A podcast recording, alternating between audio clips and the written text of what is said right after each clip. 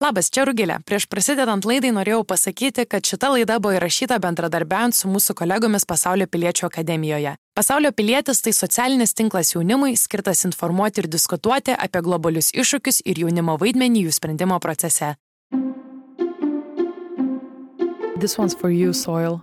Augalai pasiema viską ir tada reikia kažkaip ją atgaivinti duoti jai maisto. Mitas yra, kad kiekviena močiutė kaime užauginusi savo morką ar bulvę gali sakyti, kad jos produktas yra ekologiškas. Girdėjau, kad ne tik sveikesnė ta daržovė, bet ir skonį kitokį turinti. Tai kaipgi mums dabar to maisto užsiauginti?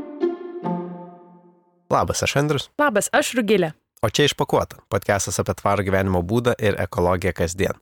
E, pradėsiu nuo savo eksperimento. Jo, man e, Andrius prieš laidos įrašą sakė, kalbėjom, ką čia aptart laidos pradžioj. Ir jisai sako, aš kai ką nusipirkau. Ir nesakė ką.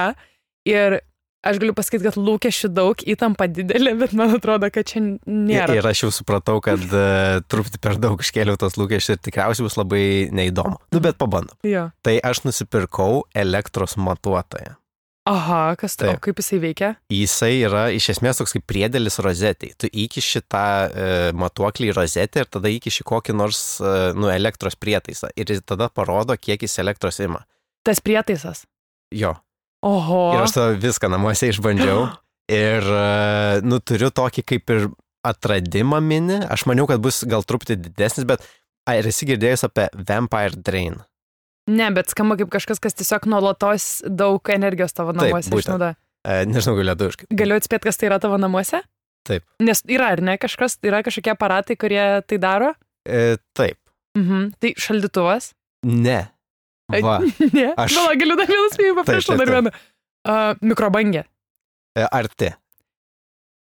Televizorius? Nežinau, ar čia. Irgi arti. Nežinau. Kompiuteris. E, Ai. Bet aš turiu stacionarą. Tai Ai, nu, mhm. šiaip šaltuvas jisai keistas. Aš va, kaip tik prieš laidą įjungiau ir tikėjausi, kad ten bus labai didelė ta srovė, bet jisai tik šaldydamas ima energiją. Tai aš Mhm. įjungiau ir buvo nulis. Tai buvo, nu, geras, įdomu. Kaip supras? Nu, jisai e, tuo metu nešaldė, kai, Aha. kai aš įjungiau ir dėl to neėmė jokios Tai energijos. šit turbūt jau turi tą Energy Star tavo šaldytuvą. Jo, bet jis nebuvo kažkoks labai ten naujas, tai visai nustebau. Okay. O su kompiuteriu e, buvo visai įdomu, kad užmigdžius kompiuterį ir išjungus kompiuterį beveik nėra skirtumo elektros e, ėmimo, nes vis tiek ima visai, nu, tokį apčiuopiamą energijos kiekį. Kompiuteris tiesiog išjungtas.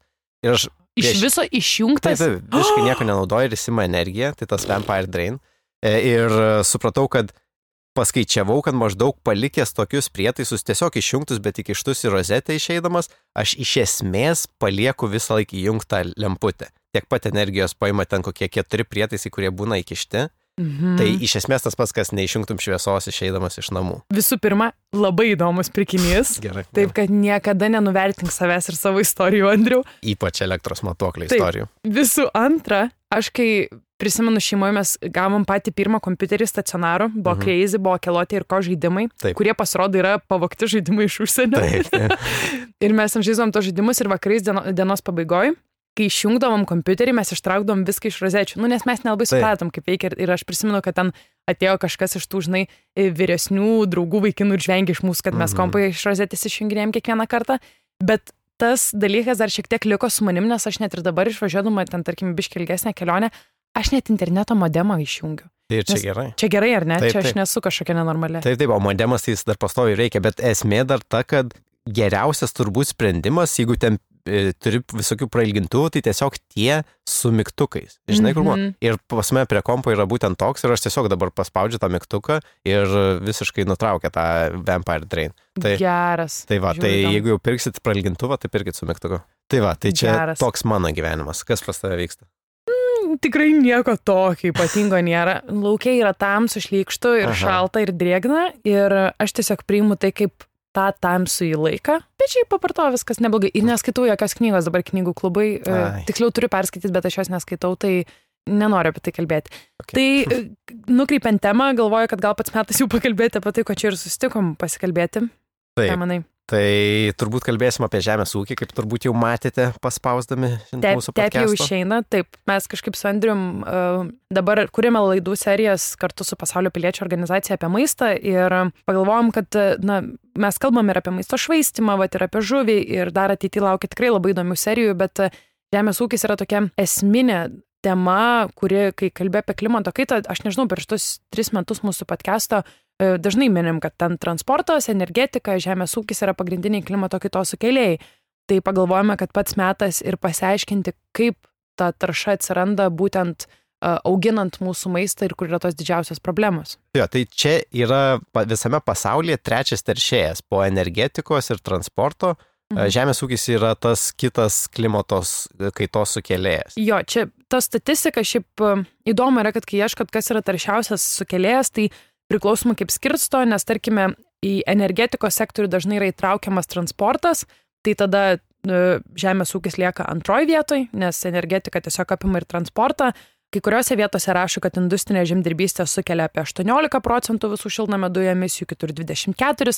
Tai priklausomai ar į tą sektorių įskaičiuoja ir miškininkystę, ir kitus žemės naudojimus, Bet nepaisant visų skirtingų statistikų, aš žiūrėjau ir Our World in Data, ir žiūrėjau IPCC ataskaitą, tai bet kokiu atveju industrinė žemdirbystė į top 3 teršėjus patenka, kad ir kaip tu tos skaičius žiūrėsi ir kad ir kaip tu tos procentus vartysi. Taip, ir pavyzdžiui, žiūrint į e, žemdirbystę iš šono, e, gali atrodyti, kad dabar yra pats geriausias laikas žemdirbystėje pagal produkcijos kiekį. Bet jeigu žiūrėtume šiek tiek giliau, tai beveik visi kiti e, aspektai yra labai prasti ir prastėja kiekvienais metais. Tai pakalbėsim ir apie e, tai, kad labai daug maisto išvaistoma. E, kiek čia radau, tai 1,3 milijardo tonų maisto išvaistoma vien jau ten žemdirbystėje. E, tai mes čia turbūt ir praeitose laidose kalbėjom apie tuos negražius produktus, daržovės ir panašiai. Bet šiaip turiu dar ir lietuviškos statistikos, jeigu grįžtam prie klimato kaitos, tai kad penktadalis Lietuvos taršos yra iš žemės ūkio. Taip, ir esmė tokia, kad e, matydami statistiką, kad žmonijos populiacija auga, e, manome, kad pasieksime 10 milijardų gyventojų skaičių iki maždaug 2050 metais, automatiškai mes turime galvoti ir kaip juos išmaitinti. Tačiau su dabartinė mūsų žemės ūkio sistema, kaip to jau pakalbėsime, mes labiau kalbame apie problemą, kad vis mažiau maisto užauga, o gyventojų skaičius auga. Tai um, tos problemos, kurios kyla žemės ūkė, tai nėra tik tai CO2 emisijos ar maisto švaistimas. Tai yra ta esminė tokia problema, kad pats maistas, na, jis vis sunkiau mūsų žemėje auga. Ir tas gimdo dar daugiau problemų. Pavyzdžiui, e, daugiausia miškų, du trešdaliai yra iškertami būtent tam, kad uh, sukurti naujus plotus žemdirbystėj. Ir nuo to labai kenčia to gražų miškai, kurie yra, na, ten plaučiai žemės ir uh, taip dar sunkiau galim kovoti su klimato kaita. Taip. E, šiandien, kaip tik, kol mes kalbamės, įvyko didžiulė miško, miškų konferencija, kurią organizavo Vilniaus universiteto geomokslų fakultetas kartu su Geografų asociacija ir Gyvigalio asociacija ir ten kalbėjo labai daug svečių Ir Virginijus Sinkevičius, mūsų euro, eurokomisaras, taip pat kalbėjo ir jis būtent paminėjo, kad 90 procentų mūsų iškertamų miškų pasaulyje yra būtent skirti žemės ūkiui. Tik mes dažnai kalbame apie tą deforestacijos problemą, turime apsvarstyti, kad pirmiausia turime atsigręžti, kaip mes užauginame maistą. Tai ypatingai, ką Andrius ir paminėjo, to gražų miškai, kai mes kalbame apie kavą, kakavą, arbatą ar panašius dalykus, tai labai dažnai yra, šie produktai yra dažnai jiems, kad užauginti yra iškertami to gražų miškai. Tai kaip ir kalbam dabar iš esmės apibendrinant, kad žemės ūkis yra tarsi puikiai iliustracija to, kad yra problema, kaip mes maitinamės, tokioj dideliai skaliai. Ir dabar žemės ūkis yra labiau problema, bet jis kartu turi ir vieną didžiausių potencialų tapti sprendimu. Visai šitai ir klimato krizai, ir mūsų maisto krizai. E, tai ir pabandysim šiandien apie tai ir pasikalbėti, bet turbūt prieš tai reikia aptarti, nuo ko viskas prasidėjo. Taip. Istorija. Istorijos segmentas. Tai kaipgi mes čia atsidūrėme, kad mūsų maisto mums darosi per mažai, mūsų dirbožėmis nebelabai derlingas, o klimato kaita vis intensyvėja. Tai žinoti reikia tris dalykus. Pasaulyje buvo trys žemės ūkio revoliucijos. Pati pirmoji žemės ūkio revoliucija buvo dar neolito laikotarpiu, kurią mes suprantame paprastai tariant, kai žmogus perina nuo medžioklės ir uogų į seslesnį gyvenimą, renkasi sodinimą, gyvulių auginimą, na ir tiesiog seslesnį gyvenimo būdą. Tada fast forward praeina daug laiko, prasideda industrializacija ir kalbame apie maždaug 17 ir 19, kartais net 20 amžių, kuomet pereinama nuo agrarinės į industrinę visuomenę ir prasideda eksponentinis populacijos augimas. Pagerėja gyvenimo sąlygos, žmonės ilgiau ir geriau gyvena, automatiškai mūsų darosi vis daugiau. Ir kartu su industrializacija prasideda antroji žemės revoliucija, kuri, kaip ir sakiau, yra maždaug 17 ir 19 amžius. Ji pirmiausia prasideda Britanijoje, todėl dar dažnai, jeigu googlinsite, rasite, kad antroji žemės ūkio revoliucija vadinama Britų agrikultūrinė revoliucija. E, Lietuvoje ant, prie antrosios žemės ūkio revoliucijos galėtume priskirti arklio įkinkimą, E, tai arklys prieš šimtą metų buvo naudingiausias žemės ūkio variklis Lietuvoje. Na ir 20-ame amžiuje žmonių populiacija kaip niekada netikėtai išauga, e, pradeda kilti klausimas, kaip mus visus išmaitinti ir prasideda trečioji žemės ūkio revoliucija. 20-ame amžiuje išaugus žmonių populiacijai pradedama bijoti, kad žmonija badaus. Ir atsigrėžiama į vadinamąją Maltuso katastrofą, kur Andrius jau žino, aš esu labai fanė šitos, e, nu kaip, Nežinau, ar čia gerai sakyt, kad aš esu fani, bet... Turi plakatą.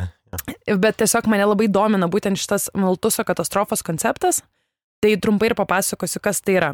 18 amžiuje gyveno toks Tomas Robertas Maltusas ir jisai išleido esė, kuri vadinosi An Essay on the Principle of Population, tiesiog žmonijos populacijos esmė. Ir pagrindinė jo esė mintis buvo, kad gyventojų skaičius yra eksponentiškas, jisai mato gyvendamas 18 amžiuje, kad vis daugiau žmonių gimsta, o maisto tiekimas yra tiesinis. Kitaip tariant, mes dauginamės labai labai greitai, o mūsų maistas, na, tik tai po truputį gali didėti mūsų sukūriama produkcija. Todėl jisai iškelia tokią teoriją, kad žmonija pasieks point of crisis, kuomet mes tiesiog mirsime, kada įvyks taškas, kada mūsų bus per daug, kad turimas mūsų derlius mus visus išmaitintų.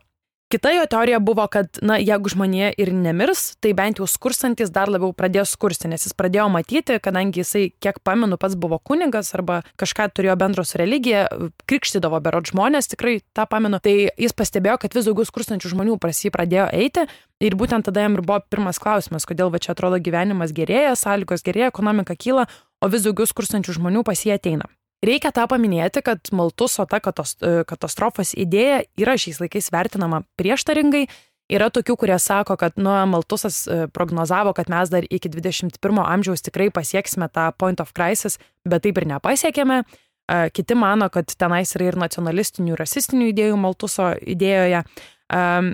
Tačiau yra ir tokių, kurie labai palaiko Maltuso idėją, kad mes tikrai anksčiau ir vėliau šitą problemą pasieksim ir jie vadinami Neo-Malthusians, Neo-Maltuso idėjos propaguotojai ir jie labai skatina populiacijos augimo ribojimą, kontraceptikus ir susilaikymo idėjas ir panašius dalykus, na, visus įmanomus būdus mažinti mūsų populiacijos augimą, taip išvengiant, išvengiant tos krizinės problemos. Taigi, įvyksta šitas visas reikalas su maltusu, žmonės bijo, kad gal mes šitoj tikrai 20-am amžiui mirsim, nebebus to maisto ir pradedame galvoti, tai kaipgi mums dabar to maisto užsiauginti. Tuo pačiu vyko ir tie didėjai neramumai, pasauliniai karai, Ir antrasis pasaulinis buvo toks visai transformuojantis ir žmogaus atrodo sąmonė. Ir tos baimės atrodo buvo e, suvoktos ir pamatytos karo metais. Ir žmonės iš tikrųjų matė ir e, badą, ir labai tokius sunku gyvenimą. Ir praėjus karui prasidėjo, na, turbūt ir politikai vaidino didelį vaidmenį, tarsi žaidimas ant tos baimės, galbūt net ir iš tikro manimas, kad mes esam dideliai problemai, kad e, žmonių dabar yra tiek, kad mes nepajėgsime jų iš, išmaitinti. Ir tuo pačiu dar reikėjo visą tą karo mašiną, pavyzdžiui, kurią JAV turėjo, kur gamino tankus kažkam kitam panaudoti, nes buvo milžiniška infrastruktūra pagaminta e, ir tada jie tarsi ją pernaudojo e, savo vidaus e, problemoms spręsti ir viena iš jų buvo žemės ūkis. Mhm. Tai būtent antrasis pasaulinis karas ir veikia tokia kaip katapulta paskatinti pokyčius e, žemės ūkija ir prasideda trečioji agrikultūrinė revoliucija. Tai buvo pirmoji e, neolito laikais, antroji su industrializacija, o trečioji prasideda maždaug 20-ame amžiuje kuri dar yra žinoma labai įdomu - žalioji revoliucija - The Green Revolution. Tai kodėl jinai yra vadinama žaliaja? Dėl to, kad siekiant išspręsti potencialų maisto stygių ateityje, pradedama naudotis tokiais įrankiais kaip pesticidai, stambi technika, mechanizacija, trašos, nuolatinis sausų žemės plotų drėkinimas bei monokultūros tam, kad didinti mūsų derlių. Ir iš tiesų mums pasiseka, nes jau 45 metais pastebima, kad maisto stygius pradeda mažėti net iki 70 procentų kai kuriuose vietose, būtent pasitelkiant žaliosios revoliucijos įrankius. Tačiau yra labai įdomu tai, kad 1970 metais Normanas Borlagas, kuris buvo vienas iš pirmųjų žaliosios revoliucijos kuriejų, stipriai prisidėjo savo išradimais prie žaliosios revoliucijos, atsimdamas Nobelio premiją, pasako tokią ganėtinai nykę ir liūdną kalbą. Nors čia yra žaliosios revoliucijos pradžia, Ir žmonės galvoja, kad pagaliau karas baigėsi ir maisto atsiranda vis daugiau, žmonės vis daugiau gali na, dirbti žemės ūkį ir panašiai. Tačiau Borlagas savo kalboje sako, kad, cituoju, žalioji revoliucija tik iškovojo laikiną sėkmę žmogaus kare prieš badą ir nepriteklių ir mes gavome laiko tik tai labai trumpam atsikvėpti. Tai jau tada žaliosios revoliucijos kuriejai matė, kad įrankiai, kuriais yra pasitelkiama, tokie kaip pesticidai, monokultūrų auginimai, yra turintys trumpalaikius rezultatus, kuriuos ateityje turėsime labai spręsti. Taip, ir tas toks neigiamas sentimentas e, buvo naudojamas ir vėliau. Pavyzdžiui, Nixonas, JAV prezidentas, e, maždaug, man atrodo, 80-metį pasakė, kad vienas didžiausių žmonijos iššūkių paskutiniais šio amžiaus dešimtmečiais bus populiacijos augimas.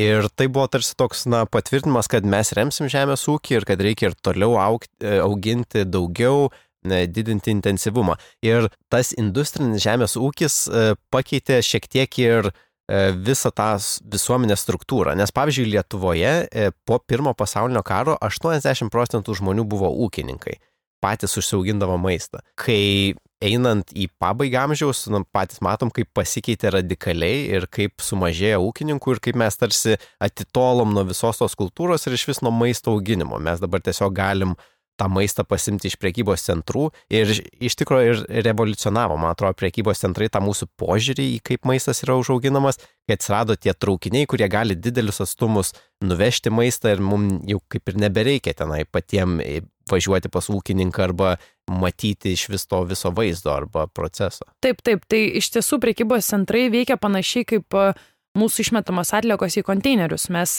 nebematome nei kaip mūsų maistas užauginamas, nei kur mūsų atliekos nukeliauja. E, mes gyvename tokie ypatingi miestuose gyvenantys žmonės tokiame burbule, nelabai net suprasdami, iš kur tas mūsų maistas atkeliauja. Bet e, aš dar norėčiau grįžti, man patiko, kai tu paminėjai, kad buvo metas, kada Lietuvoje virš 80 procentų gyventojų buvo ūkininkai. Ir iš tiesų, kartu su žaliaja revoliucija, e, vienas iš pirmųjų minusų, ką yra pastebima jau 20-ojo amžiaus viduryje ir einant į amžiaus pabaigą, kad vis mažiau vietos lieka mažiems ūkininkams, kadangi, kaip ir aš minėjau, žalioji revoliucija paskatina stambę techniką, trašų naudojimą, pesticidų naudojimą, maži ūkininkai finansiškai nebetlaiko spaudimo pereiti prie mechanizacijos ir, ir panašių sprendimų ir smulkius ūkininkus pradeda keisti stambus ūkininkai. Ir mes iš tiesų dabar, kai galvojame apie savo maisto pramonę, na, turime pripažinti, kad nemaža dalis mūsų maisto atkeliauja būtent iš stambiųjų ūkininkų ir tikrai bent jau mano šaldytuve yra labai mažai maisto užauginto čia vietinių Lietuvos nedidelių ūkių. Ir mes čia ir tada jau perinam prie tos kaip ir problemos, kas vyksta su žemės ūkiu, tai turbūt negalime išvengti industrinio modelio, kuris yra pritaikytas žemės ūkiu, industrinis žemės ūkis. Bet prieš aptariant tas problemas konkrečias, kurios vyksta ten, e, verta suprasti, apie ką mes čia bandom išsaugoti. Tai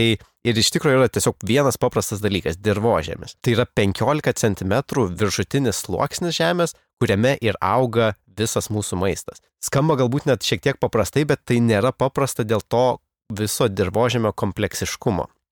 Vienas pavyzdys yra, kad viename šaukštelėje dirbožėmio derlingo žemės yra tiek pat gyvų organizmų, kiek iš vis yra žmonių ant šios žemės. Nu, tiesiog tas kompleksiškumas dirbožėmio yra super gilus, nes ten yra mikrobai, grybai, grybiena. grybai, maži gyvūnai kaip sliekai ir panašiai, vabzdžiai, tada yra ir didesni gyvūnai, tada tuos, tie didesni gyvūnai įsilieja į visą ekosistemą, paukščiai, e, tada ant paviršiaus e, gyvenantis gyvūnai ir panašiai. Ir tas dirbožėmis, kažkaip, man atrodo, mes neįpratę į jį žiūrėti kaip į kažką gyvo. Tiesiog mhm. Bet iš tikrųjų tai yra tokia, nu, labiau gal teisingiau įsivaizduoti kaip civilizacija po mūsų civilizacija. Taip.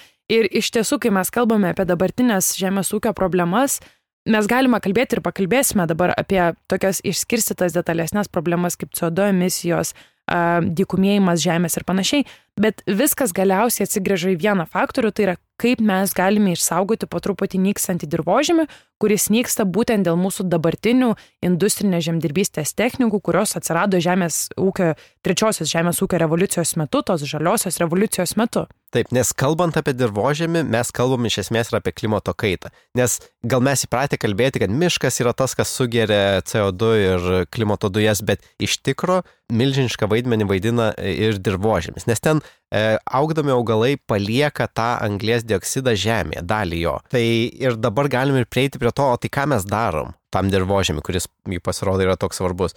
Ir industrinė žemdirbystė turi ne vieną aspektą, kuris e, tarsi ignoruoja tą gerbuvį dirbožėmio. Ir, na, pats elementariausias turbūt yra tas arimas e, dirvos, kai iš esmės mes padarom taip, kad ta anglis, kuri buvo saugiai po žemę, jinai yra išleidžiama į paviršių.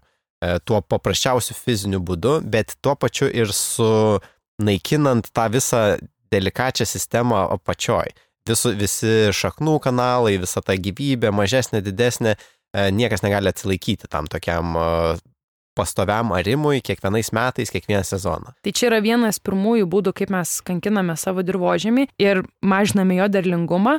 Ir po to, kai mes išarėme dirbožėmio paviršių, mes esame linkę tenai sodinti monokultūras. Nes, kaip ir aš minėjau pradžioje, vienas iš žaliosios revoliucijos tikslų buvo auginti didelio derlingumo kultūras. Tai tokios kaip javai ir panašiai, rapsai, soja ir taip toliau. Natūralu, kad kai mes kalbame apie pasaulį, kuriame bio įvairovė turi būti visiškoje simbiozėje, paimti didžiulį žemės plotą ir jame užsodinti, užsodinti tik tai vieną monokultūrą, natūraliai turi neigiamos įtakos mūsų dirbožymui. Kas prasideda, kadangi, kaip ir minėjo Andrius, e, mažiname ir 15 cm sluoksnį, ir auginame tą vieną monokultūrą, prasideda dirbožėme erozija arba degradacija. Ir kasmet mes prarandame apie 24 milijardus tonų derlingo žemės. E, vieni skaičiai rodo, kad daugiau nei trečdalis, kiti sako, kad net 50 procentų žemės ploto pasaulyje jau degradavo ir kuo žemė labiau sausėja, tuo ją reikia drekinti. Ir kalbant apie monokultūras, yra ir daugiau tų minusų, kaip įsivaizduokit tiesiog patį tą lauką e, užauga tas pats e, vienas produktas, kurį vienu metu visą ir nupjauni, nuskini, surenki. Ir esmė, kad tas laukas yra paliekamas iki kito karto, kada vėl e, auginsi tą patį dalyką ir jau tam tikri augalai pasiema tam tikras medžiagas iš dirvos, dėl to kitą kartą, kai jau ten ateis, jau bus mažiau tų reikalingų medžiagų, dėl to būna, kad reikia skirtingas rūšis e, sodinti toj pačioj vietoj, bet tuo pačiu ir per tą laiką, kai viskas yra nupjauta, ta žemė yra tokia visiškai bevertė. Ten nei kažkas papildomai auga, nei e, šaknis gilėja ir reiškia, jeigu, pavyzdžiui, prasidėtų kokia didžiulė liūtis, tai tiesiog nuplautų visą tą derlingą viršutinį sluoksnį ir ta žemė nu, iš vis netenka tos vertės, nes gamta yra įpratus, kad yra tie sustabdantis mechanizmai, kurie išlaiko vandenį dirboje ir padeda, kai jau ateina tos sausros ir panašiai. Tai va toks plotas yra visiškai nepasiruošęs jokiem ekstremaliem išbandymam. Taip, ir laikui bėgant, tas plotas, kaip aš minėjau, pradeda e, degraduoti arba dykumėti ir natūraliai, kai mes turime dirbožymį, kuris nuo monokultūrų pradeda dykumėti, na, prasideda erozijos procesai, ką mes darome, mes pradedame jį nuolatos drėkinti. Ir kitas iš dalykų, kurį nuolatos naudoja industrinė žemdirbystė, tai yra nuolatinis augalų drėkinimas. Jeigu kada nors teko skristi lėktuvu ir matyti iš viršaus e, žemės ūkio plotus, galite pamatyti, kad kai kurie išsiskiria, nes jie yra taip tobulai apvalūs. Tai yra būtent plotai, kurie yra nuolatos drėkinami tam, kad mažesnio derlingumo ir sausesnė žemė duotų didesnį derlių. E, bėda su nuolatiniu žemės drėkinimu yra tokia, kad vandenyje yra druskos mineralų, na tiesiog natūraliai.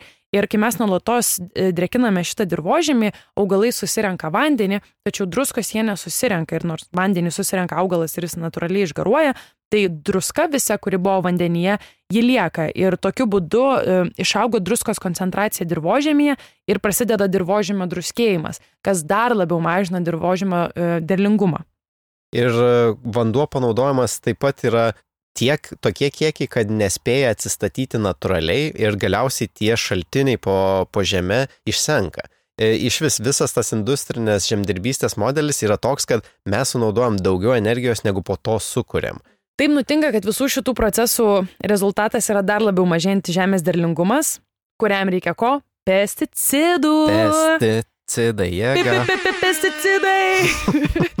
Tam, kad dirbožymis duotų, na, kiek įmanoma, bent kažkiek to derliaus. Kas nutinka su pesticidais, tikrai esate visi nekartą girdėję ir turbūt žodis pesticidai jau mažai kam turi teigiamą konotaciją. Čia turbūt svarbu yra pabrėžti, kad pesticidai ir kiti mūsų minimi elementai e, industrinė žemdirbystė yra skirti tam, kad didinti derlių. Ir mes nesame už badą. Čia toks disclaimeris.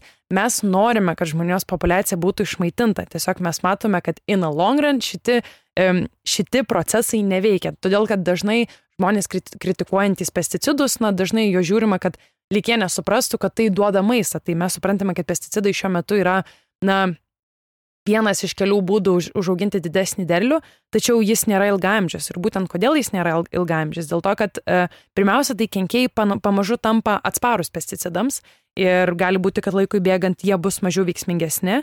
Na ir taip pat e, dėl pesticidų nuodingos medžiagos kaupėsi organizmuose ir vienas pirmųjų žmonių pradėjusių kalbėti apie pesticidus ir kad jų reikia atsisakyti ir kovoti su pesticidais buvo labai garsi gamtininkė Rachel Carson, kuri 1962 metais, vadinasi, dar, na, ganėtinai pačioje pradžioje žaliosios revoliucijos, išleido knygą Tylusis pavasaris, dar žinoma kaip The Silent Spring. Jos dėja nėra išversta į lietuvių kalbą, bet labai rekomenduoju paskaityti anglų kalbą.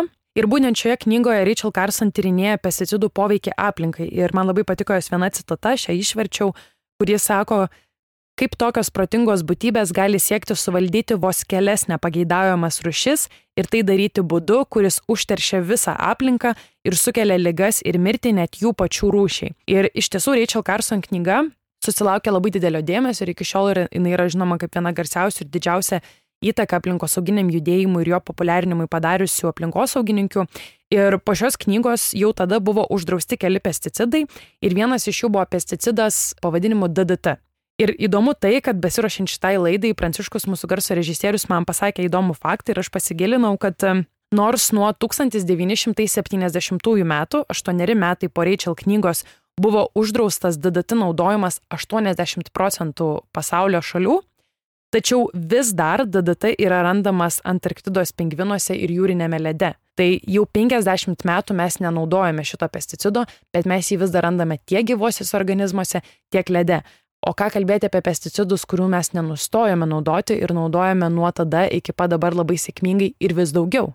Taip, ir čia net nereikia nuvykti į Antarktidą, kad pamatytum tą pėdsaką, nes uh, skaičiau, kad 95 procentai JAV uh, tų viršutinių vandens šaltinių, kaip upeliai ir panašiai, arba negilų šuliniai, turi pėdsakų pesticidų. Mhm. Ir jie yra praktiškai visur. Tai jeigu yra vandenyje, reiškia yra ir maiste, ir mumise. Ir buvo dar vienas toks labai įdomus e, eksperimentas atliktas, kuris, nu, aš jį vadinu 40 metų kukurūzų laukas. Oho, net mhm. pavadinimas sukūrė. Taip, aš sutrumpinau ir išėjo kaip pavadinimas. Žodžiu, tai JAV kažkur, kažkuris iš tokių kaip Žemės ūkio universitetų atliko tokį bandymą, kur paraleliai vienas ir kitas laukas buvo apsodinti vienas iš jų mm, kukurūzais, kurie bus trešiami pesticidais ir visais tais industrinės žemdirbystės e, įrankiais naudojamas, o kitas e, organinės e, žemdirbystės pavyzdys. Ir jie iš tikro per gal 2 ar 3 metrus vienas nuo kito.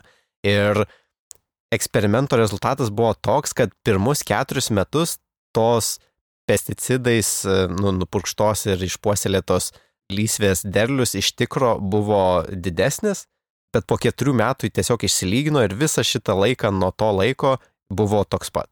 Tai iš esmės ir tada parodė video, kaip atrodo tie du laukai, tai tas pesticidinis toks, nu jau atrodo kaip nudžiūvęs, kad kažkas su juo negerai, o tas organinis, nu tiesiog tokia sveika daržovė ir viskas atrodo puikiai. Tai pesticidas yra toks kaip Red Bull žmogui. Jis tokį bum duoda staigų, bet trumpalaikį. Kaip uh, gerai pastebėjo, kad pesticidai ir tos cheminės trašos iš esmės tiesiog maskuoja tą negyvą lauką po jomis. Mhm. Ir, nu, tai tarsi toks Frankensteinas, tai prikeli tam sezonui dar, e, ten užpili iš esmės, ko reikia ir dar atsilaiko, bet kai tik nustosi taip elgtis, tai, tai ir nebebus tam augalui iš kažko pasimti, nes ta žemė tai jau ten tiesiog negyvas mėlis beveik. E, panašus pavyzdys, tai kad tu paminėjai apie du skirtingus viena šalia kito esančius derlius, e, buvo filme Kiss the Ground, kuris irgi kalba apie holistinę žemdirbystę. Ir būtent irgi pasako vienas ūkininkas, kuris užsiema to, turi holistinį žemės ūkį arba užsiema permakultūrą, kaip mes vėliau pakalbėsime apie tai. o šalia jo kaimynas augina monokultūrą sojų ir jisai atsistoja tarp jų dviejų laukų ir irgi skirtumas yra plonas takelis ir sojų laukas yra visiškai išdžiūvęs, o jo šalia bujoja. Tai tas pavyzdys, tai lygiai toks pat kaip ir tu davai su pesticidais. Kitas yra aspektas svarbus su industrinė žemdirbystė, tai na, dažnai galbūt maišoma su pesticidais, tai yra trašas. Um, trašų minusas, kaip ir pesticidų, yra ganėtinai panašus, um, bet vienas iš tokių didžiausių yra, kad trašoms pagaminti yra naudojamas iškastinis kuras, O antra, tai trašos, kai patenka į dirbožymį, jos, jos, kai patenka ant augalų, jos patenka į dirbožymį, į vandenį ir tada sukelia taršą. Ir nežinau, kiek jūsų teko klausytis mano interviu su projektu po bangomis, bet mes kalbėjome apie tokį procesą kaip eutrofikacija. Ir man atrodo, laidose esame ir anksčiau minėję, tai yra, kai cheminės atliekos patenka į vandenį, tada dauginasi fitoplanktonai, kadangi pradeda daugintis fitoplanktonai, e, užauga toks kaip žalias dumlis virš vandens viršaus ir tada į vandenyną nebepatenka deguonis ir kuriasi negyvosios zonos. Ir tai skamba kaip toks ilgas kažkur toli vykstantis mažas procesas, bet iš tiesų viena didžiausių pasaulyje negyvųjų zonų yra Baltijos jūroje. Ir Baltijos jūra yra labai stipriai paveikta eutrofikacijos, tai yra viena didžiausių dabar vandenų taršos problemų, kurią mes turime Lietuvoje. Ir prie jos vienareikšmiškai labai stipriai ir be nestipriausiai prisideda dirbožėmėje naudojamos trašos. Ir kitas e, mažiau gal aplinkosaugą veikiantis, bet labiau žmonės veikiantis aspektas yra, kad Industrinė žemdirbystė trukdo tiems mažiems ūkiams neretai. Ir trukdo tai reiškia, kad dažnai iš vis išstuma juos iš verslo.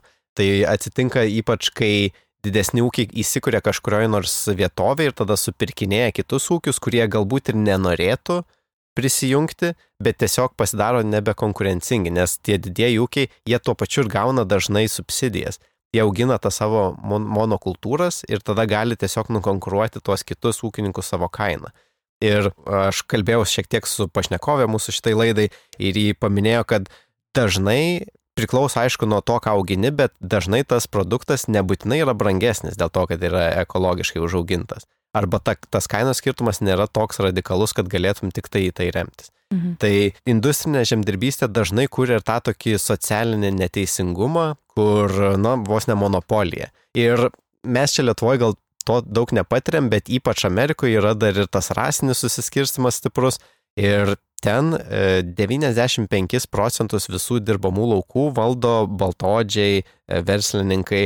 Ir, na, suprantu, kad kai kuriem gal tai nelabai e, artima, bet kai pagalvoji, tai tada labai, ta, nu, tiesiog stiprina tą segregaciją mm. visuomenės ir toliau. Ir tai, tai jo, tai, tai čia dar vienas iš tų aspektų. Taip, ir suprasdami visas šitas turimas dabartinės žemės ūkio problemas, vis dažniau pradedame galvoti, tai kaip mes šias problemas galėtume spręsti. Ir vis dažniau pasigirsta terminas ketvirtoji žemės ūkio revoliucija, kuri yra paskatinta būtent dabartinių žaliosios revoliucijos sukeltų problemų ir tikimasi, kad na, mes prie tos revoliucijos perėsime kuo skubiau, bet kiti mano, kad galbūt mes net po truputį ją jau ir išgyvename. Tai kaipgi atrodytų ta ketvirtoji žemės ūkio revoliucija, turbūt vienas terminas ir konceptas, kuris yra ganėtinai svarbu žinoti, tai yra vadinamos permakultūros arba permakultūrų ūkiai.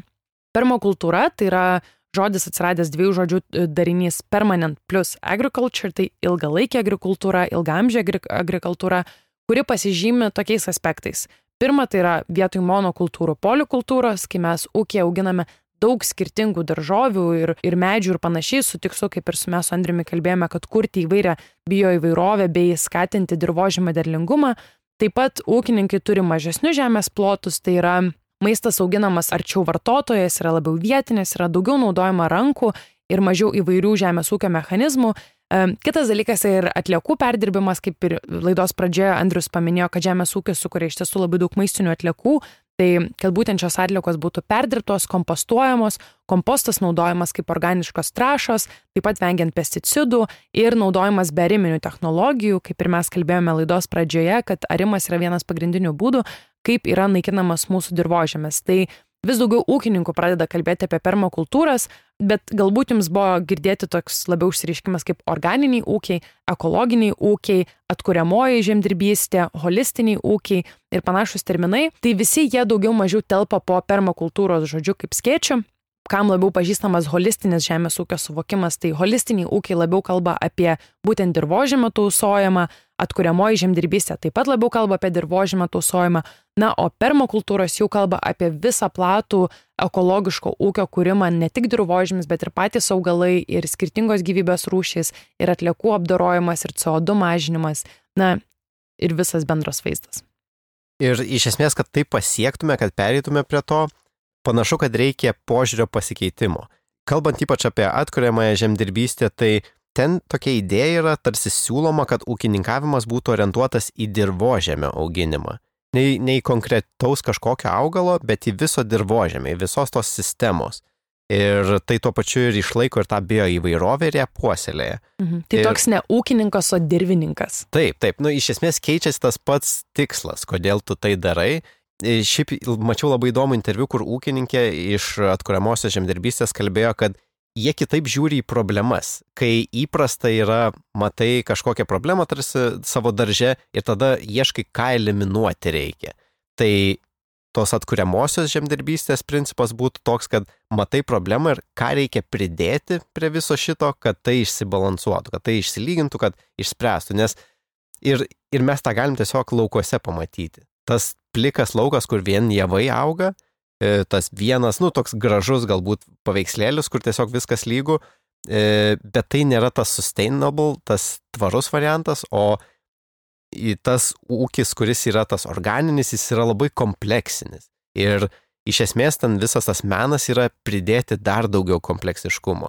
Ir nes tokio sprendimo reikia toks sprendimas kovoja su klimato kaita ir iš tikrųjų padeda visai aplinkiniai gamtai ir paukščiams, ir kitiems gyvūnams, ir tiem patiems žmonėms, su oru, su e, sveikesnė daržovė ir su... Aš girdėjau, kad ne tik sveikesnė ta daržovė, bet ir skonį kitokį turinti. Mhm. Ir čia galbūt ir patys gal teko susidurti, kad aš, pavyzdžiui, turėjau močiutę, kuri užaugindavo pati savo daržovės. Mhm. Ir iš tikrųjų yra radikalus skirtumas, kokio skonio, kaip atrodo iš vis ta daržovė ir panašiai. Ir aš kažkaip anksčiau to nelabai įvertindavau, bet dabar kai pagalvoju, tai jo, kai nueini į parduotuvę, tai pasiemi pomidorą, kuris yra pomidoro skonio kiekvienoje tokioj pat parduotuviai. Aš va, šiandien ryte pjaušiau pomidorą ir aš jį taip pjoviau ir jis toks sušalęs ir toks kaip morka persipjovė ir viduje toks beveik baltas ir toks beskonis ir toks kietas ir traškus ir aš kažkaip Jo, žiemą pomidorai.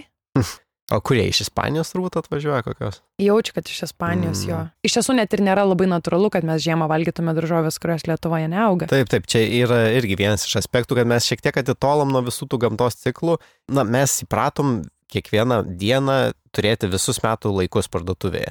Ir, na, iš tikrųjų, čia mes tokiu tempu judant ir tokią pasiūlą siūlant, jungtinės tautos vertino, kad mes turėsim dar 60 derlių.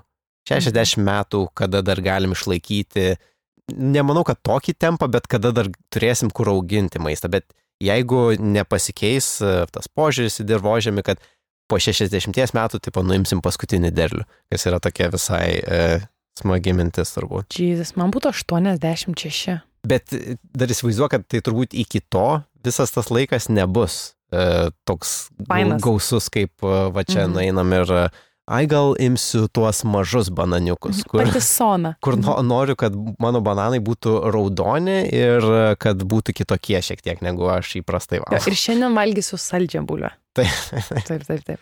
Čia tokį pasileidom į rentą, bet, nu, iš esmės, kad tas požiūris turi keistis ir jis turi keistis ir į tas monokultūras. Ir iš vis monokultūros veikia anksčiau, bet kaip jau ir anksčiau minėti pavyzdžiai, buvo, kad jos yra tas trumpalaikis e, efektas, kur reikia greit ir daug, bet nu ilgainiui tai mes turim grįžti prie polikultūrų ir tam pačiam laukia turi būti ir javai, ir kažkas, kas dar auga. Tiek, tiek, tiek aš žinau apie žemės ūkį.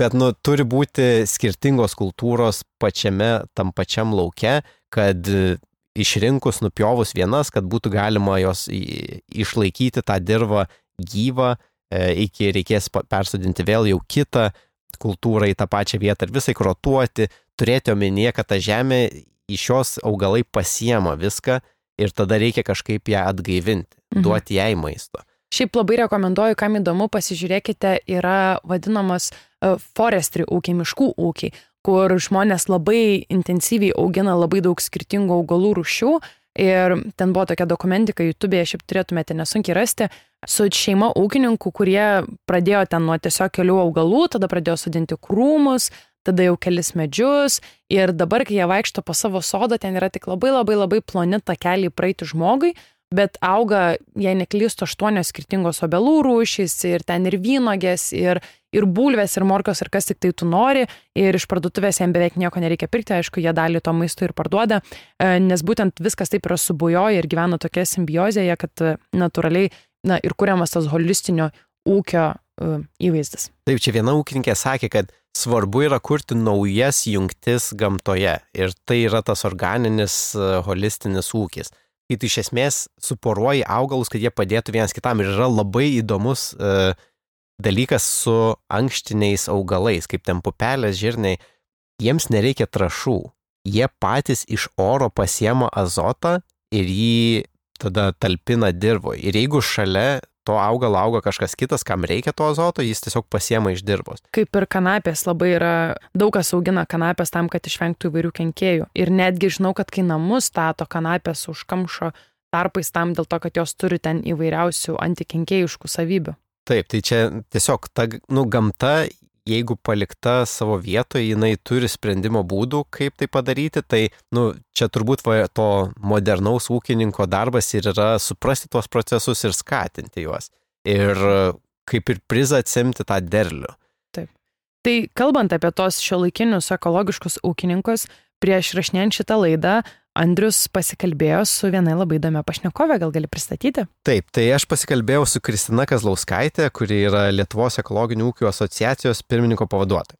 Ir čia mes ką kalbėjom su Rugilė dabar yra ta tokia teorinė, graži informacija, kaip mes suprantam ir panašiai, bet... Jo, čia viskas tobula, čia visi perkite prie ekologinių ūkių. Va, sprendimas štai, štai jums ir, ir darykit, bet esmė, kad e, ta reali situacija ir ypač va Lietuvoje reali situacija yra daug e, daugiau detalių talpinant. Ir buvo dėl to labai įdomu pasikalbėti su Kristina, nes ji iš tikro užsiema šitais dalykais ir galėjo papasakoti, o kokie realūs sunkumai kyla norint tapti ekologiškų ūkininkų. Paklausom.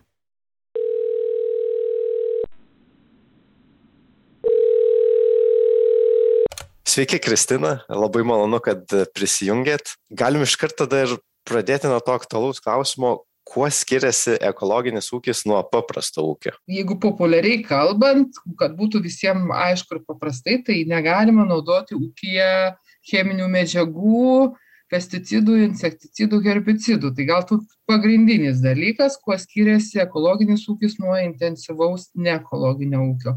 O po to ten pagal įvairias augalų rūšis, gyvūnų rūšis, yra begalė reikalavimų, kurios turi išpildyti ekologinis e, ūkininkas dėl gyvūnų gerovės, dėl, dėl maitinimo, dėl pašarų gamybos. Žodžiu, jau čia yra detalės, bet paprastam žmogui, kad būtų aišku, tai kuo skiriasi, tai ekologiškas produktas turi būti išaugintas švariai, tvariai, be cheminių priemonių. O kalbant apie tą tokį kaip kontrolės užtikrinimą, tos taisyklės mhm. va, tarsi aiškios, bet kaip uh, užtikrinti, kad tie ūkiai iš tikro ir uh, kurie sako, kad jie yra ekologiški, iš tikro yra ekologiški. Taip. Tai čia antras dalykas, kuris kaip mitas yra, kad kiekviena močiutė kaime užauginusi savo morką ar bulvę gali sakyti, kad e, jos produktas yra ekologiškas tai ne jinai negali sakyti kad jos produktas ekologiškas nors galbūt jinai ir laikosi tų taisyklių. Tačiau yra trečioji šalis sertifikavimo įstaiga kuri kontroliuoja būtent šių taisyklių laikymąsi ir tai apsprendžia jeigu tu atitinki tuos reikalavimus jie išduoda patvirtinamąjį dokumentą šiuo atveju ekologinės gamybos sertifikatą. Tai vat tai yra tas užtikrinimas e, kuris yra būtinas norint rinkoje parduoti produktą ir sakyti, kad tavo produktas yra ekologiškas. Tai jeigu aš gerai suprantu, Lietuvos ekologinių ūkio asociacija ir yra tas toks kaip uh, institucija, kuri užtikrina tą išdavimą teisingą to sertifikato. Ne. ne. Tam reikalinga nepriklausoma šalis, tai yra viešoji įstaiga Ekoagros, jeigu girdėjote apie tokią, tai jie atlieka ekologinių ūkių sertifikavimą šiai dienai jinai yra viešoji įstaiga, bet iš principo jos dalininkas ir steigėjas yra Žemės ūkio ministerija, tai jinai pusiau tokia valstybinė. Hmm. Tai vad jie atlieka sertifikavimą. Taip, o norint gauti tą sertifikatą, kokie yra ar pagrindiniai reikalavimai, arba kas, kas taip atskiria e, nuo šiaip paprasto ūkininko, ką jis turi pakeisti savo veikloje, kad jis gautų tą sertifikatą. Mhm. Tai kiekvienais metais, e, jeigu tai yra veikla sezoninė, kaip, pavyzdžiui, augalai, daržovės, žodžiu, tai, ką, ką, ką kartą metus reikia sodinti daryti, tai yra renkami, renkamos paraiškos ir tada ūkininkas nusirodo pagrindinius savo parametrus, jeigu tai yra deklaruojami pasėliai, tai deklaracijos metu, be to pildo anketą, kur nurodo savo ūkininkavimo būdus ir visą situaciją ūkiją. Ir tuomet prisiema va tuos, kuriuos sakiau, tuos įsipareigojimus. Tai iš principo tai yra 118 beros lapų reglamentas kuriame apibrieštos taisyklės. Aišku, nenorėčiau gazdinti ten visų, skirtingose, skirtingose kryptise, skirtingos tas kiekis tų reikalavimų. Tačiau iš principo tai, tai taip, tai yra būtent europinių reglamentų priimtos taisyklės, kurios galioja visoje Europoje. Ir dar šiek tiek Lietuva papildomai savo dasideda tų reikalavimų, tai būna ekologinės žemės ūkio taisyklės papildomai išleistos, tai kartais jos ten būna labai įmantriai ir daug prirašytos, kartais mažiau. Bet žodžiu, žodžiu bet kuris norintis ekologiškai ūkininkauti, pirmiausia, turi būti pakankamai išprūsęs ir mokėti skaityti. Supratau. Tai tada gerai ir pereinam prie to, o kokie yra pagrindiniai iššūkiai. Jeigu jau nusprendai, kad esi ūkininkas ir nusprendai, kad nori, kad tavo ūkis būtų ekologiškas, tai mhm. su kuo susiduria daugiausia žmonės, kokie sunkumai kyla? Kiekvienam yra gal skirtingai. Pirmiausia, tai aišku yra mąstysena. Jeigu žmogus e, yra, kaip sakyti, įprastinė gamyba užsiminėjo ir vieną dieną sugalvojo, kad jis norėtų pabandyti ekologiškai ūkininkauti, tai jam gal yra sudėtingiausia tas momentas, o kaip dabar bus, mano laukai bus čia pikžolėti, bus negražu, bus taip, bus kitaip. Tai tiesiog tas psichologinis gal momentas, kadangi vis dėlto mm, ekologiniai laukai nėra taip, kad vien ten tik žolynas, bet vis tiek, kaip ten bebūtų, lyginant su tais nupurkštais steriliais laukais, čia auga ir tarpusai bioįvairovė tokia sukuria ne vien tik tai tie pagrindiniai augalai, bet ir, ir, ir, ir pikžolės. Bet šiuo atveju gal net nereikia sakyti pikžolės, bet iš principo natūralūs kiti augalai, kur, kur atskrenda bitės, kur atskrenda įvairūs drugeliai, kur, kur, kur gyvena daug bioįvairovės. Tai sakykime, paprastam, įprastam tam ūkiui gal čia pagrindinis dalykas. Ir jeigu tai žmogus, kuris, pavyzdžiui, atsikelia į kaimą, jaunas žmogus, ypatingai pabėgęs iš to miesto, dar kažkur, jam gal tiesiog nuo nulio pradėjus visai psichologiškai tai nebaisu ir, ir, ir, ir, ir pakankamai neria į tą sritį ne, be kažkokių didelių nuogastavimų. Tai, bet pirmiausia, aš manau, kad ką labiausiai atbaido ūkininkus kitus, tai gal vis dėlto, ką ir minėjau, ta biurokratija. Kadangi e, reikalavimų yra nemažai, taisyklių yra nemažai, kiekvienais metais tikrintojai, va, iš ekoagros tikrina, tikrina kartais iš anama, dar kanus. Tai va ta biurokratinė našta, tų įvairių ataskaitų rengimas, dar kažkas, tai va ta didžioji dalis galbūt, kuris sulaiko ir, ir į kurią reikia, nu, kaip pasakyti, nenumoti ranką, nes viskas įmanoma padaryti, viskas padaroma ir aš nenoriu gazinti anksčiau laiko. Bet reikia atkreipti dėmesį, kad tai nėra vien tik tai technologijos, nėra vien tik tai uh, pats auginimas. Tai yra ir, ir, ir tie dalykai, nes kodėl tai yra svarbu. Jeigu tu netitiksi ekologinių tų reikalavimų ir tau neišduos sertifikato, tu produkcijos negalėsi parduoti kaip ekologiškos. Jeigu tu ne, neišpildysi vėl kažkokių dalykų, tai negausi tos papildomos paramos iš nacionalinės mokėjimo agentūros. O tai yra pakankamai svarbu, kadangi ekologinis ūkininkavimas yra susijęs su pakankamai uh, nemažu kiekiu išlaidų ir netokiu dideliu derliumi. Taigi viską reikia skaičiuoti.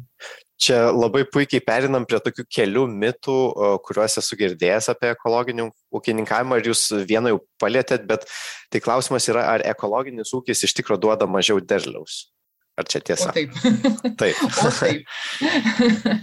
Galbūt ne. Nu, iš tikrųjų, žinokit, yra dabar taip, kaip tik ir lyginausi įprastinių ūkių produkcijos derlingumą, statistinį vidurkį ir ekologinių ūkių. Tai yra tam tikrų, tikrų kultūrų, augalų, kuries e, intensyviai Lietuvoje nelabai kas augina.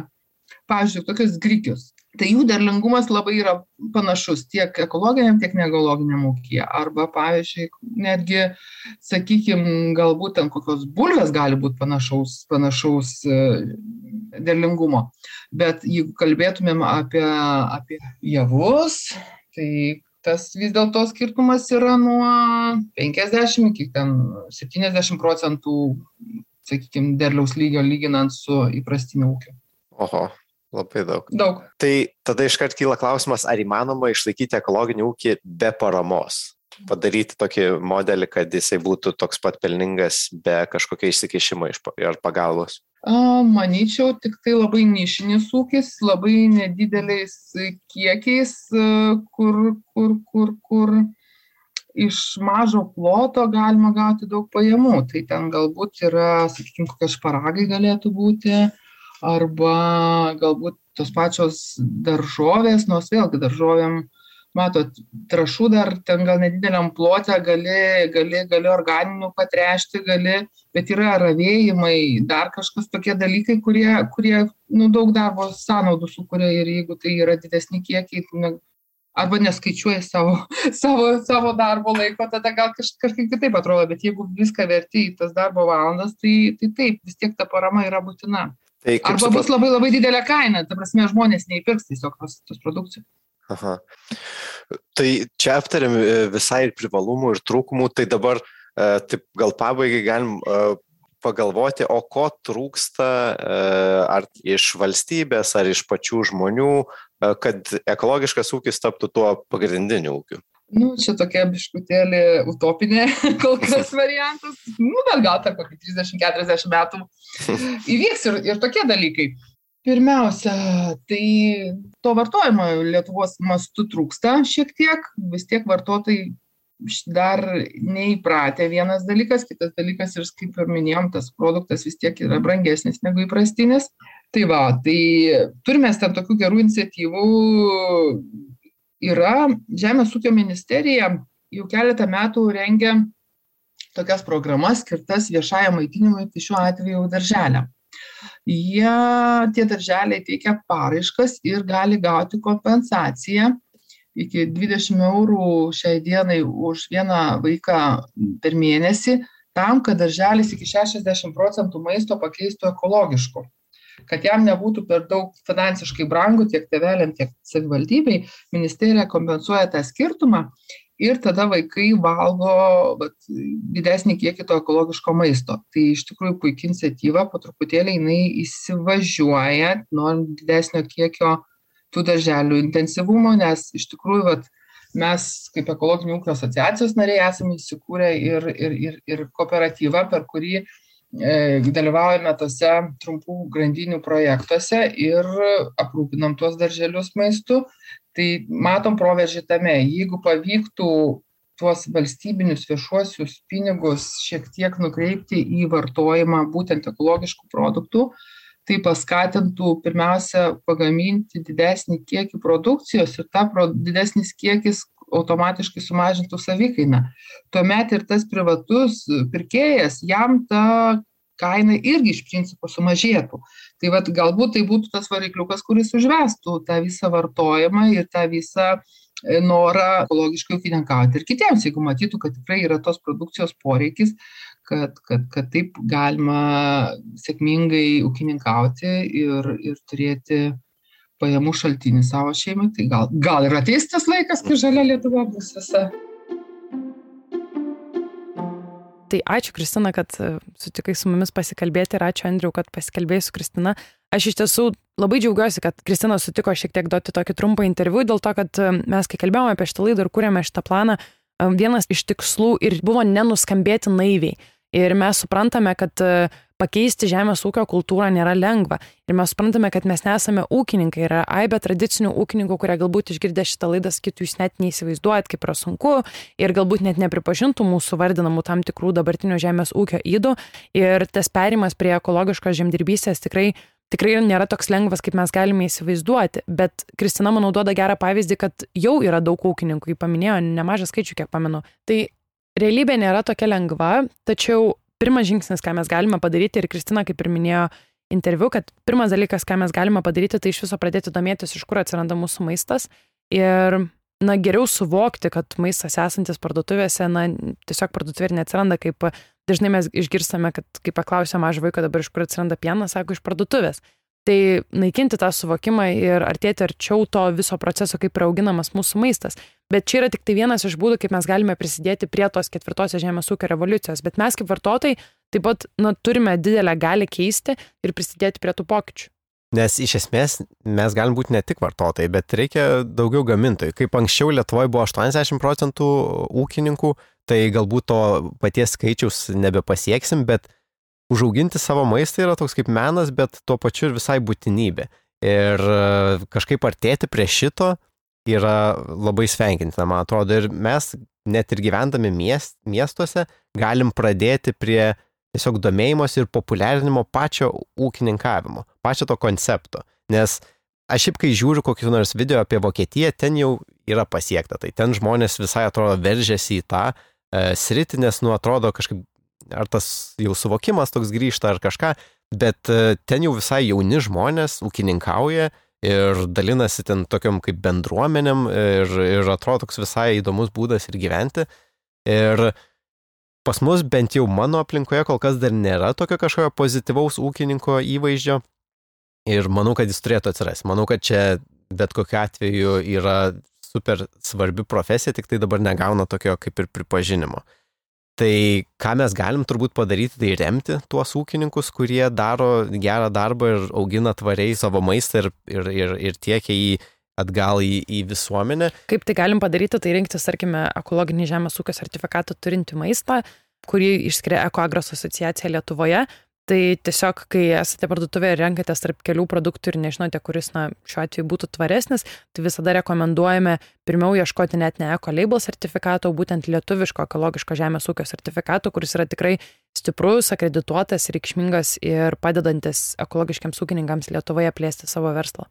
Taip, e, o jeigu jau gyvenat mieste ir taip neturit kažkokio ryšio, yra, pavyzdžiui, bent jau Vilniuje, yra tie bendruomenės sodai, kur žmonės irgi keičiasi tom pačiom idėjom ir gali taip šiek tiek irgi įvesti į tą visą pasaulį, kur galbūt po to net nuves iki ūkininkavimo pilnu etatu. Taip, tai keli bendruomenės sodai, kuriuos labai rekomenduočiau Vilniečiams pasidomėti, tai yra Pilaitėje esantis um, bendruomenės sodas, kurioje kurios Beatričia ir Laura yra tikrai nuostabios asmenybės, susidomėjusios ne tik kaip skatinti maisto užsiauginimą mieste, bet ir kurti bendruomenės žmonių ir užimti jas aktyviai. Ir taip pat mūsų labai mėgstami draugai miesto laboratorija Vilniuje Antakalnyje taip pat būrėsi ir užsiema miesto daržininkystę drauge. Tai tikrai pasidomėkite, paguglinkite šiais laikais miesto sodų ir tų daržų yra tikrai labai daug kur jūs galite turėti netgi savo nedidelę lysvę ir galbūt vasarą savo malonumui užsiauginti kelias braškės ar morkas ir bent jau patirti tą maisto auginimo jausmą ir truputėlį sugrįžti, na, kaip sakoma, sukišti rankas į žemę ir truputėlį pajausti, kaip tas maistas užauga ir, ir kaip sunku yra iš tiesų jį užauginti. O jeigu kažką išsinešite iš šitos laidos, tai aš labai norėčiau, kad išsineštumėte tą tokį požiūrį, kad dirbožėmis yra gyvas ir kad nėra toks savaime mums duotas ir kad jisai taip stekenamas tiesiog neatsilaikys. Tai visai geras toks mąstymas apie gamtą daugiau negu apie medžius, bet ir apie visą, visą tą ekosistemą, kas čia mes, kad mes lipdami ant žemės irgi ten turim turėti omeny, kad tai yra tas dalykas, kuris mus ten išlaiko ant jos. This one's for you, soil. We love you, soil. Fam. I'll never stop loving you, soil.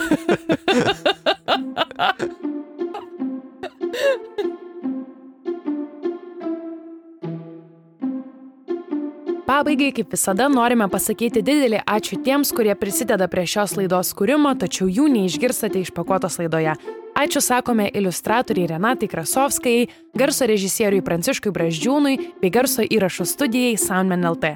O jeigu jums patinka tai, ką mes darome, mus visada galite paremti patreon.com pasvirasis brūkšnelis išpakuota.